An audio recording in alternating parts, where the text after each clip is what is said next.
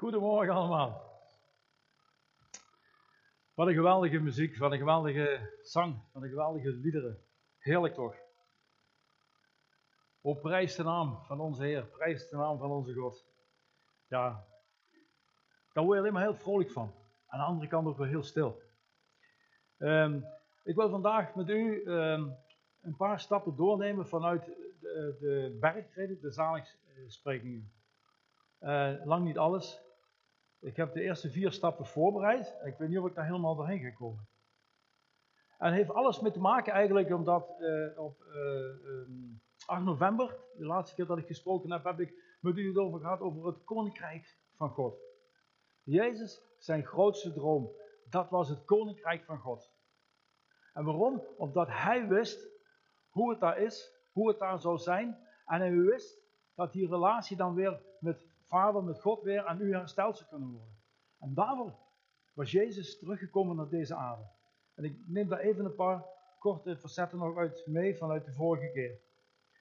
Eerste plaats, zijn hoogste doel was dus verkondigen van het goede nieuws dat hij de weg zou gaan openmaken. Dat hij weer de relatie zou kunnen herstellen tussen u en tussen God. Door zijn offer wat hij ging brengen. En hij gaf ook een beeld terug van hoe het daaruit zag. Hij vertelde dus heel open en vrij uit uh, dat in het koninkrijk, in het hemelse koninkrijk en straks ook in zijn koninkrijk hier op aarde, dat er geen ziekte is, geen verdriet, geen honger, geen stress, altijd rust, altijd vrede, harmonie. Eigenlijk wat hij wilde doorgeven is dat weer terug de Hof van Eden hersteld zou zijn. En dat u en ik samen met God weer mogen wandelen zoals Adam en Eva dat ook deed. Hij bewees dat ook dat hij die autoriteit had om te zorgen dat het zo was. En dat lezen we eigenlijk in uh, Marcus 4, vers 23, 24. En Jezus trok rond in heel Galilea, gaf onderwijs in hun synagogen en predikte het evangelie van het koninkrijk. Dus en daar staat ook zo mooi, ik werd bepaald in hun synagoge. En het betekent daar in Galilea ook, de gemeenschappen die er waren, was vaak als ze met meer dan tien man bijeen konden komen, dan hadden ze al een ruimte die ze konden vrijmaken of gingen bouwen. En dat was een synagoge. Dus dat was allemaal niet zo groot, maar het was weer echt die intimiteit. En daar was Jezus bij. En het goede nieuws hield in dat het koninkrijk is gekomen. Het hemelse koninkrijk is gekomen. Dat God bij ons is en om ons geeft.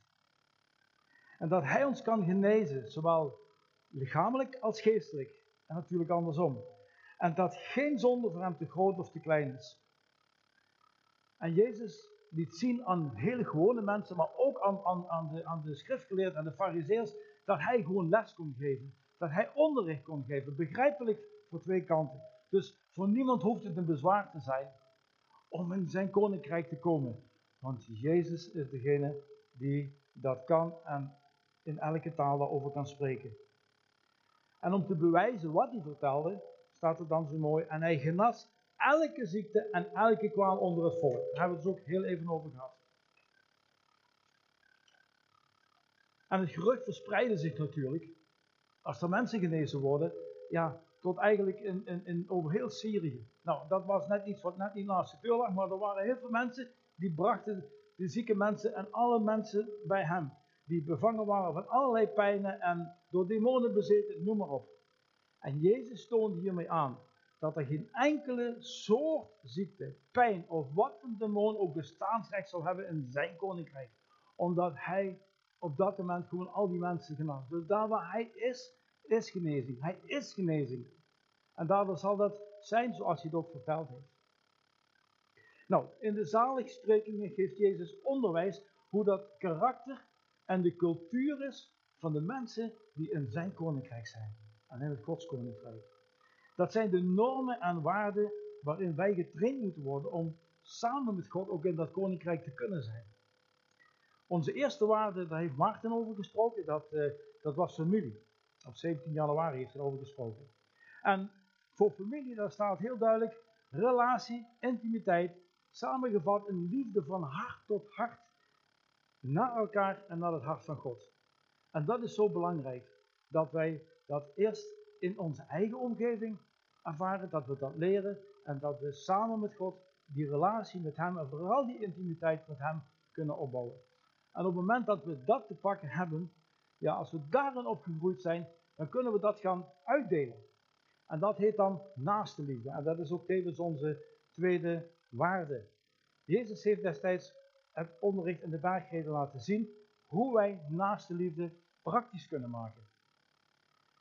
Nou, de eerste vier zaligsprekingen zijn eigenlijk uh, vier belangrijke stappen. En Jezus heeft er zoveel tijd aan gespendeerd. En zover ik begrepen heeft hij dat zelfs niet eens in één dag gehaald. Hij is daar meerdere dagen mee bezig geweest. Helemaal aan het begin toen hij startte en begon zeg maar dus met zijn bediening hier op deze aarde. En ehm, hij laat ook mooi zien hoe God ons door de liefde van hem, dus onze vader, tegemoet komt en de deur open staat om zijn koninkrijk binnen te gaan. Met als doel om uiteindelijk samen weer met Jezus terug te komen. Naar zijn koninkrijk hier op aarde. Om deze samen met hem te mogen beërven en te mogen regeren. Wauw, wat een belofte is dit. Maar daar zijn we nog niet, daar is nog een weg te gaan. Nou, hij begint met de eerste zaligspreking en hij zegt armen van geest. Want van hen is het koninkrijk der hemelen. De tweede stap is dat zij die treuren, uh, zalig zijn zij die treuren, want zij zullen vertroost worden. Ik leg dat dadelijk uit wat dat, wat dat inhoudt. Zalig de zachtmoedigen, want zij zullen de aarde beërven. En zalig die hongeren en dorsten naar gerechtigheid, want zij zullen verzadigd worden. Zij zullen verzadigd worden. Dat betekent dat we dat niet uit onszelf allemaal moeten doen. Zalig zijn de armen van geest. Dat is eigenlijk smachten naar God.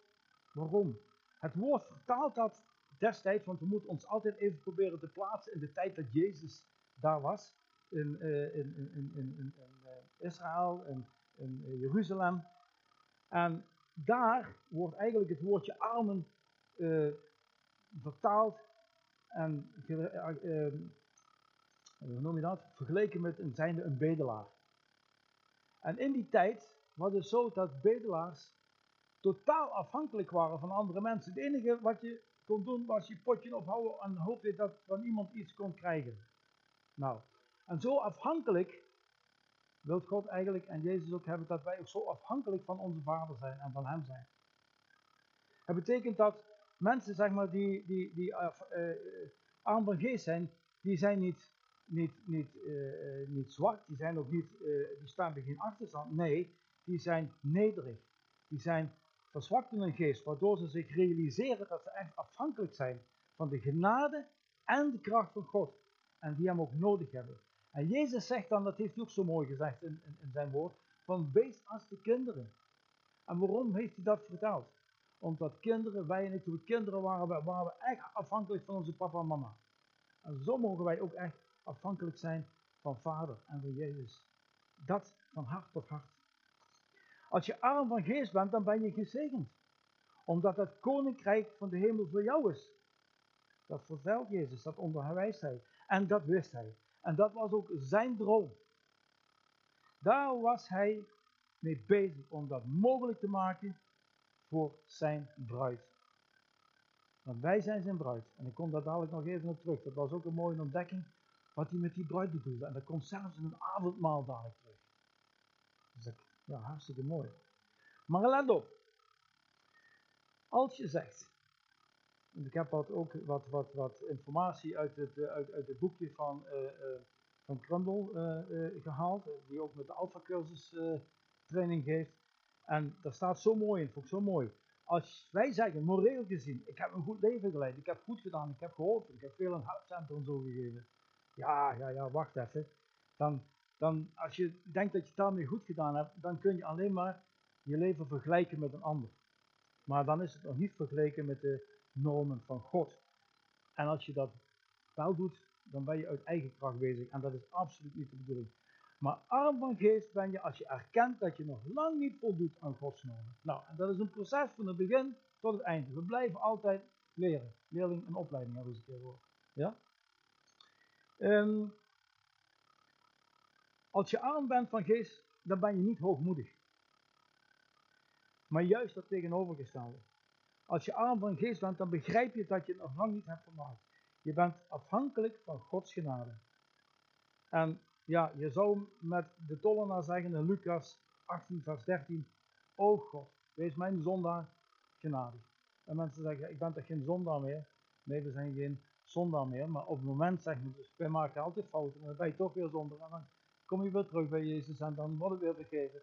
Dus we roepen gewoon uit: Help. En dat is inderdaad, als je arm bent van geest, roep je mogelijk uit: Oh God, ik heb er een puinhoop van gemaakt. En toen ik dat zo las en opschreef, opschreef kreeg ik zo in die gedachte dat God zegt: Geen probleem, ik ruim die puin wel op. Ja? God, ik heb niets om u aan te bieden. En God zegt: Hoef ik niet, ik heb alles. Maar wat ik graag wil, dat is die hart, dat hartrelatie van jou. Daar is het mij om te doen. En dan denk ik: Heer, ik kan niet eens goed bidden en, of naar u te luisteren, want er is zoveel ruis om me heen en ik dit en dat. God zegt: Geen probleem, mijn Heilige Geest gaat jou helpen. Dat zijn de gedachten die zo, zo dan bij me binnenkwamen. En ik ben geestelijk blind, naakt en arm. God zegt geen probleem. Ik zal je geestelijke ogen openen. Ik zal je kleden met mijn liefde en je geestelijk rijk maken. Nou, is dat niet mooi? Dan zal God, zegt Jezus, jou roepen en zegt: Mijn kind, voor jou is het koninkrijk der hemelen en de deur van mijn koninkrijk der hemelen zwaait voor je open als je arm bent van geest. Wauw, wat een bemoediging, toch?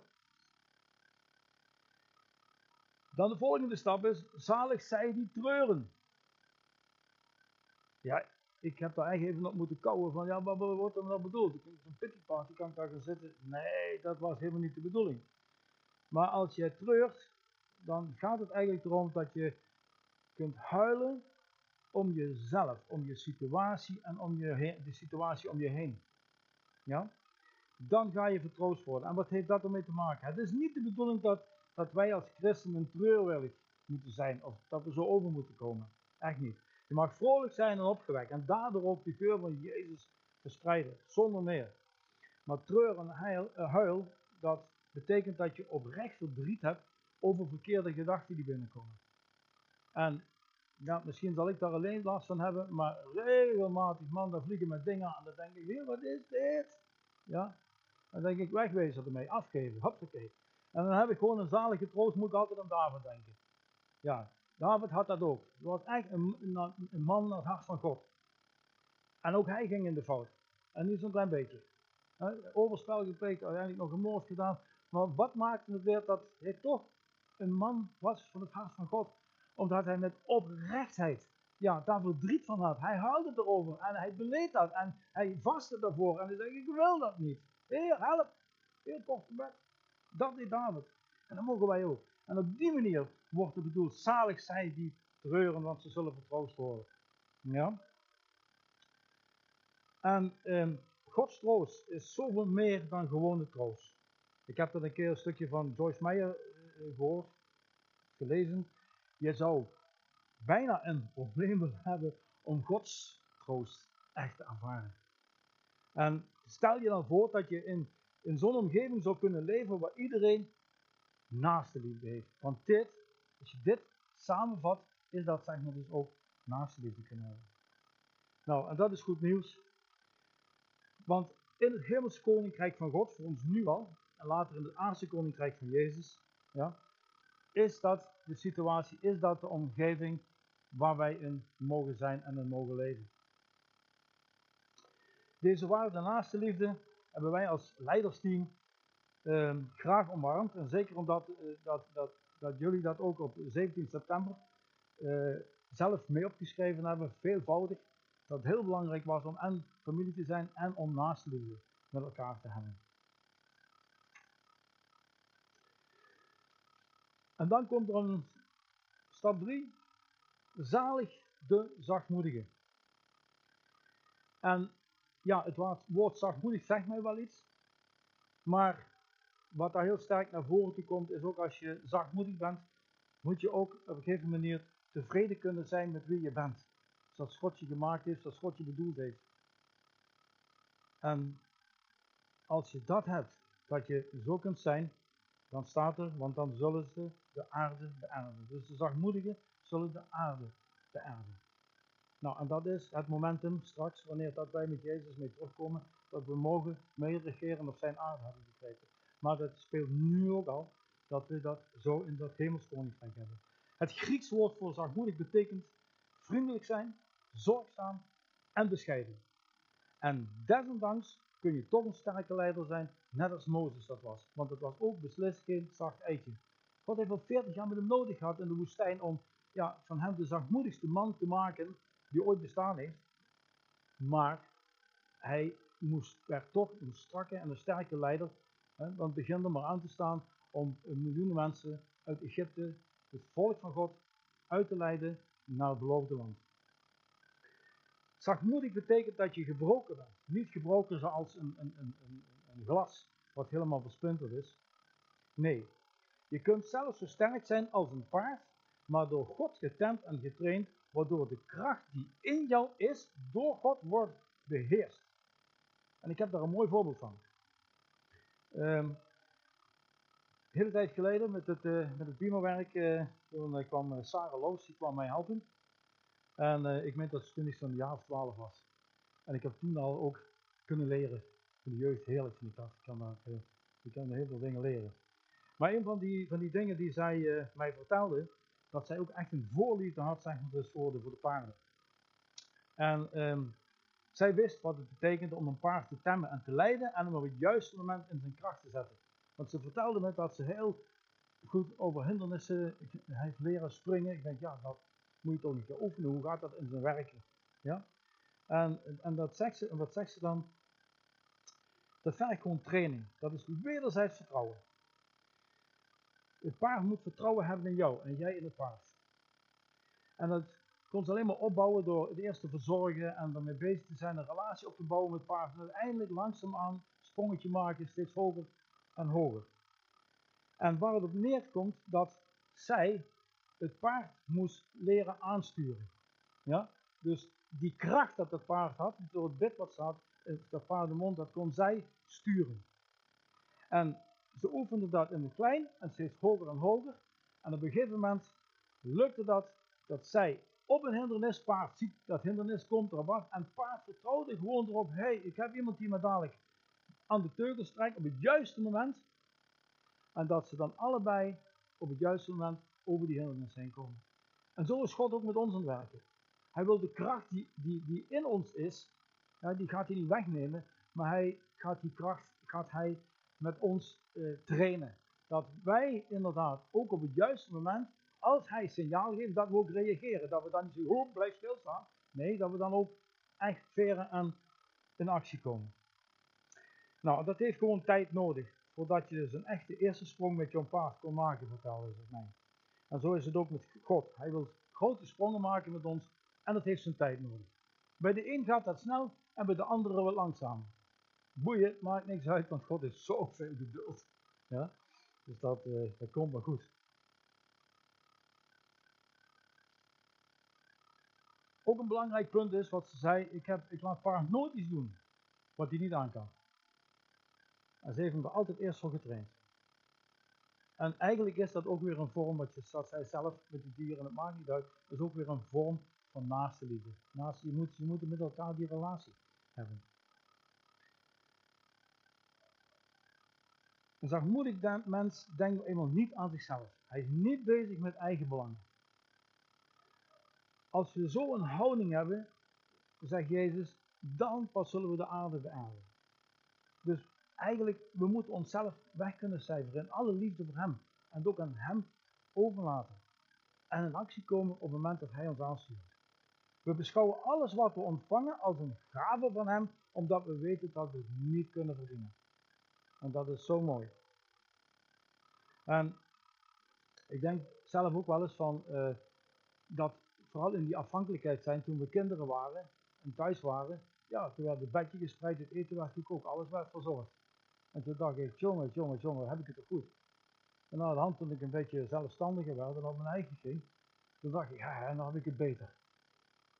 Maar zal ik je de waarheid vertellen? Ik heb vaker nog wel eens gedacht, had ik het nog maar goed. Ja, En dat is dat je in die afhankelijkheid mag zijn. Want op je eigen benen staan, ja, dat kost het. Uh, nou, als we zachtmoedig zijn, dan zijn we in staat te ontvangen wat God ons in het leven en in de toekomst wil geven. En weet je hoeveel dat is wat Hij wil geven? Alles. Dat kunnen we niet eens bevatten. Maar zo groot is zijn liefde. Hij wil dat gewoon doen. Ja, dan is altijd de vraag: zou je in zo'n omgeving willen leven met allemaal zachtmoedige mensen om je heen? Vriendelijk, zorgzaam, bescheiden, niet aan zichzelf denkend, niet bezig met het eigen belang. Ja, ik wel. Nou, er is goed nieuws. We mogen uitkijken naar het hemels koninkrijk van God. En dat is wat Jezus ook wist. En dat is hetgene waar hij ja, zoveel voor over had. Om daar, zeg maar, dus de weg voor vrij te maken. Maar het kostte hem wel wat. Het kostte hem zijn bloed, zijn verbond.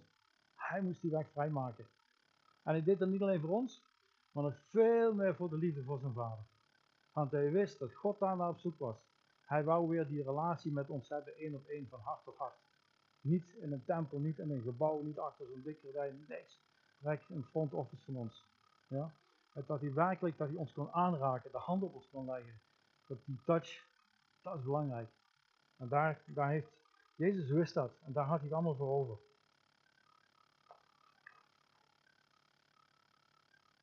Ik pak stap 4 nog even en de rest, want er zijn er nog een paar achter. Dat wordt op een volgende preek. En eigenlijk is dit ja, een hele goede studie als we op een donderdagavond bij elkaar kunnen zijn. Ja, dan, dan, want als Jezus daar al meer dan één dag voor nodig heeft, dan kan ik dat echt niet in een, uh, in een half uurtje, ook al zou ik dat graag willen. Ja? Zalig zijn zij die hongeren en dorsten naar gerechtigheid. En eigenlijk, als wij naar gerechtigheid hongeren, dan hongeren we naar God. Want God is gerechtigheid. Streef naar een relatie met God en maak dit het belangrijkste in je leven. Al het andere waarnaar je streeft, laat je uiteindelijk met lege handen achter. Maar als je hongert naar God en zijn gerechtigheid, dat staat zo in zijn woord, zal je verzadigd worden. En dat is ook wat Jezus aangaf. Daarom vertelde hij het. En hij gaf de mensen daar onderricht in. Om daar hun houding, hun attitude naar te richten. Hun ogen gericht op God, hun ogen gericht uiteindelijk op Jezus. En dan staat er ook het echte geluk is voor de mensen die doen wat God wil. Niet dat je het moet doen, nee, maar uit liefde voor Hem doen. Dat is belangrijk. En dat is het en die dat ook het allerbelangrijkste vinden. Dat staat in Matthäus 5, 6. Wij kunnen ons bijna niet meer voorstellen wat echt honger en dorst is. Toch? We zitten in deze wereld, we trekken de koelkast open, we draaien een kraan over, er komt vers water uit. Maar ook even teruggaande in de tijd van Jezus, toen hij dat vertelde, toen hij zeg maar dus daar in Galilea was, uh, niet verder vandaan ligt de woestijn. En Annelie en ik, vorig hadden een keer naar Israël toe te mogen gaan. En we zijn daar ook in die woestijn ja, even een, een, een, dag geweest, ook een overnachting gehad. Maar er was ook nog alles voorzien. Maar ik kan je vertellen dat het daar heet was. Ja? En um, ja, als je dan uh, in zo'n, wat ze vertelde, in een zandstorm terecht kon komen, dat je echt helemaal desgeoriënteerd was, en je had dan ook nog niet genoeg drinken bij je, nou, dan wist je op een gegeven moment wat het, hoe vreugdevol en hoe je kon smachten naar een paar druppels water. En dat is eigenlijk om dat gevoel wat je dan hebt, dat zou dat gevoel moeten zijn wat we ook zeggen, dus naar God mogen hebben, om naar Hem te smachten, naar Hem zeg maar dus te verlangen, naar Zijn rechtvaardigheid.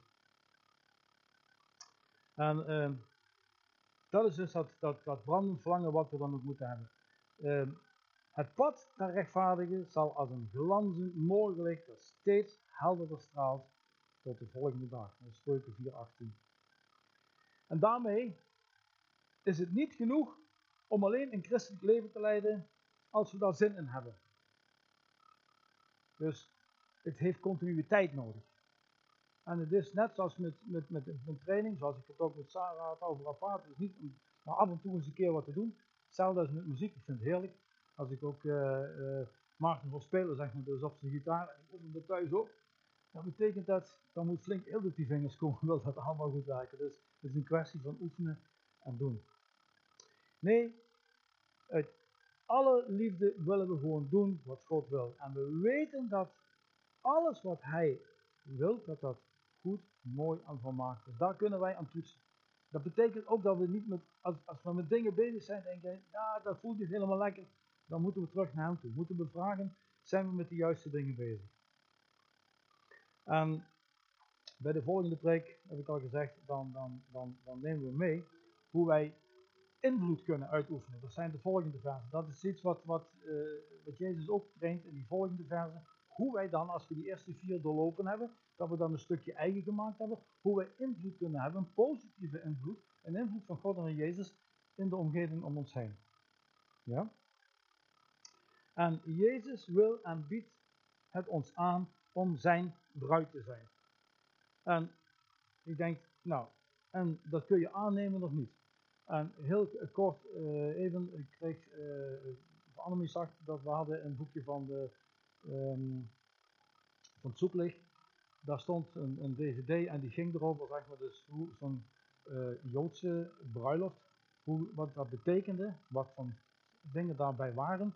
En daar kwam een stuk openbaring naar voren toe, waarom dat, zeg maar, de discipelen heel goed begrepen wat Jezus zeg maar dus bedoelde met zijn bruid en wat ook op dat laatste avondmaal gebeurde. En er zat verschil, heb ik nooit geweten, dat, dat, dat, eh, dat uh, Jezus is vanuit Nazareth opgegroeid als een Galileër. En ook die discipelen, die apostelen waren allemaal Galileërs. En die hadden iets heel specifieks met hun bruiloft ten opzichte van de Joden. En hoe zat het in elkaar? Op het moment dat een bruidegom zeg maar, dus een oog had op een bruid, dan was het zo dat er een verloving plaatsvond, anders als bij ons met een ring of zo, maar dan werd namelijk naar die bruid, de bruidegom ging dan en bood een beker wijn aan. En op het moment dat die bruid, of diegene die dan de bruid zou worden, die beker accepteerden, ja, dan was dat, was dat de verloving. En zij ging ook akkoord, zeg maar, dus dan met de voorwaarden wat in zo'n familie en dat soort dingen wat er leefde. En zij gingen dan een jaar uit elkaar. En dan ging de bruid zich voorbereiden en de bruidegom ging zich voorbereiden. En wat ging de bruidegom doen? Die ging bij het huis van zijn vader ging die een kamer bouwen. En op het moment dat die kamer klaar was, zou die terugkomen. En bij de Joodse bruiloft was het zo dat ze daar een tijdbestek voor hadden afgesproken. En ik meen dat het iets van een jaar was, dus dan kon je ergens zeggen van, nou, dan beginnen we, daar eindigt het en dan vindt het plaats. Maar dat was bij de Galileese bruiloft iets anders. Daar zat namelijk een ander element achter. En wat was dat? Dat de vader van de bruidegom, de vader, die keek of het huis klaar was. En de vader, die gaf het tijdstip aan dat de bruidegom de bruid kon gaan halen. Dus de bruidegom wist zelf niet wanneer dat hij de bruid ging halen. En dat was ook wat Jezus zei. Want dat niemand wist dan alleen de vader. Dus hij kon dat zo mooi uitleggen, zodat ook die discipelen dat begrepen. En dan komen we dadelijk op het punt, als we samen dat avondmaal gaan vieren, dat Jezus ook naar zijn discipelen op deze wijze, dus dat hij eerst het brood pakt, maaltijd met hem hield, en dat hij dan die beker neemt, en dat hij die beker, zeg maar, dus aanreikt aan zijn discipelen. En die dachten, yes, dit is bruiloft. En die wisten dat er één ding ging gebeuren. Oké, Jezus had gezegd, ik ga terug naar mijn vader. En ik heb dat, uh, dat staat zeg maar uh, in Matthäus 26, vers 26 tot 29, kom je dat ook tegen zo in de Bijbel. En hij zegt, ik lees even voor, en terwijl zij aten, nam Jezus het brood. En toen hij het gezegd had, brak hij het en gaf het aan de discipelen. En hij zei, neem, eet, dit is mijn lichaam. Hij nam ook de drinkbeker. En nadat hij gedankt had, gaf hij hun die en zei, drink hier alle uit. Dus hij reikte die beker aan. En op dat moment, hij reikt hem aan, moet jij hem ook wel aannemen. Ja? En dat was het moment, en dat is nu nog een moment, dat mensen, dat u thuis kunt beslissen. Doe ik het wel of doe ik het niet? Want, zegt Jezus, dit is mijn bloed het bloed van het nieuwe verbond dat voor velen vergoten wordt tot vergeving van zonden. Dus dat ook zo'n bruiloft tussen bruid en bruidegom is een verbond. Maar Jezus heeft niet, eh, zoals het bij een bruiloft was, even zo de bruidschat in geld gepakt. En daar werd het verbond zeg maar dus mee gesloten naar de vader ook van de bruidegom. Nee, Jezus heeft zijn kost ware bloed gegeven voor dat verbond. Hij deed het met zijn bloed. En dan komt het stukje wat mij eigenlijk nooit zo uh, opgevallen was, dat hij inderdaad zegt, ik zeg u dat ik van nu af aan van de vrucht van de wijnstok niet zal drinken tot op de dag wanneer ik met u nieuw zal drinken. Dat is dus de dag dat de bruiloft komt, dat hij de bruid gaat ophalen en dat ze dan samen, zeg maar dus, die beker wil. Nou, en daar zat in die tijd zo ongeveer een jaar tussen. Maar nu, ja, we weten niet precies wanneer en wanneer, maar de discipelen waren er wel helemaal van overtuigd. Jezus gaat terugkomen. Dat stond als een paal boven water, want dat hoorde ze. Ja? Dus dat hij inderdaad zegt, die ik nieuw zal drinken in het koninkrijk van mijn vader. Dan wel in het huis van mijn vader. En zo was dat ook gebruikelijk daar.